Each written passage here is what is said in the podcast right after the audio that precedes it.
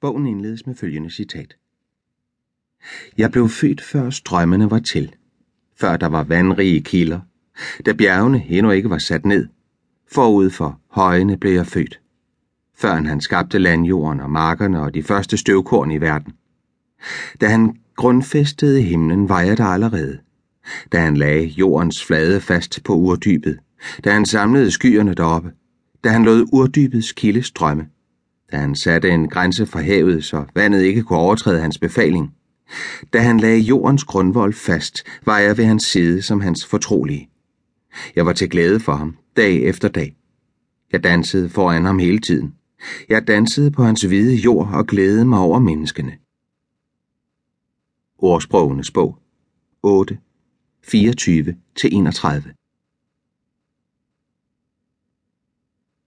Kapitel 1 mine værste drømme har altid indeholdt bedre brunt vand og vider med elefantgræs og helikopterbladenes nedstrøm. Drømmene er i farver, men de har ikke nogen lyd. Hverken af druknende stemmer i floden eller eksplosioner under hytterne i den landsby, vi brændte ned. Eller C-47'erne stunken, eller kamphelikopterne, der kom lavt og fladt ind over løvhanget som insekter klæbet på en smeltet sol. I drømmen ligger jeg på et termotæppe dehydreret af bloderstatning, med overlåret og siden revet op af sår, der kunne have været lavet af ulve. Jeg er overbevist om, at jeg kommer til at dø, hvis ikke jeg får plasma inde på bataljonens skadestue. Ved siden af mig ligger en sort korporal, uden andet end bukser og støvler på. Hans hud er koldt sort, hans overkrop revet op som en gaben rød lynlås fra armhulen ned til skridtet, og kvæstelserne så grufulde, traumatiske og forfærdelige at se eller røre ved, at han ikke fatter, hvad der er sket med ham. Jeg er svimmel, løjtnant. Hvordan ser jeg ud, siger han. Vi har vundet lotteriet, Dodo. Vi skal hjem med frihedsfuglen, svarer jeg.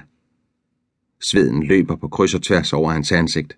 Hans mund er så skinnende og lysende, som har han lige smurt læbestift på, mens han prøver på at smile. C-47'en laster og stiger op med Dodo og 12 andre sårede ombord. Jeg stiger op mod dens sære rektangulære form. Dens blade, der virvler rundt mod en lavendelblå himmel, og i smug føler jeg mig fortrædelig over, at jeg og de andre er ladt tilbage, så vi kan vente på transporthelikopteren og muligheden for, at den større mængde nordvietnamesere kommer frem gennem græsset. Så overværer jeg den mest bizarre og grusomme og tilsyneladende uretfærdige begivenhed i hele mit liv.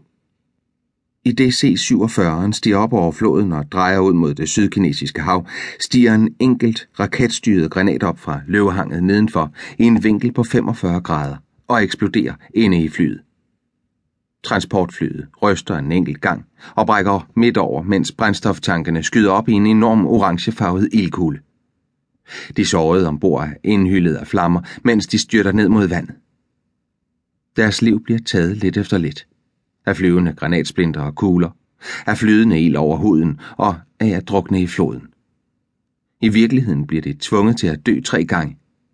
En middelalderlig torturbydel kunne ikke have udtænkt en mere djævelsk skæbne. Når jeg vågner af drømmen, må jeg sidde på sengekanten i lang tid med armene knudet ind mod brystet, som om jeg har fået kulderystelser, eller malariamyggene endnu en gang har erobret mit stofskifte. Jeg forsikrer mig selv om, at drømmen kun er en drøm at hvis den havde været virkelig, havde jeg hørt lyde og ikke kun set billeder, der nu er historie, og ikke bliver betragtet som interessante af dem, der er fast besluttet på at gentage dem. Jeg siger også til mig selv, at fortiden er et smuldrende minde, og at jeg ikke behøver at gennemleve den og give den styrke, medmindre jeg ønsker det.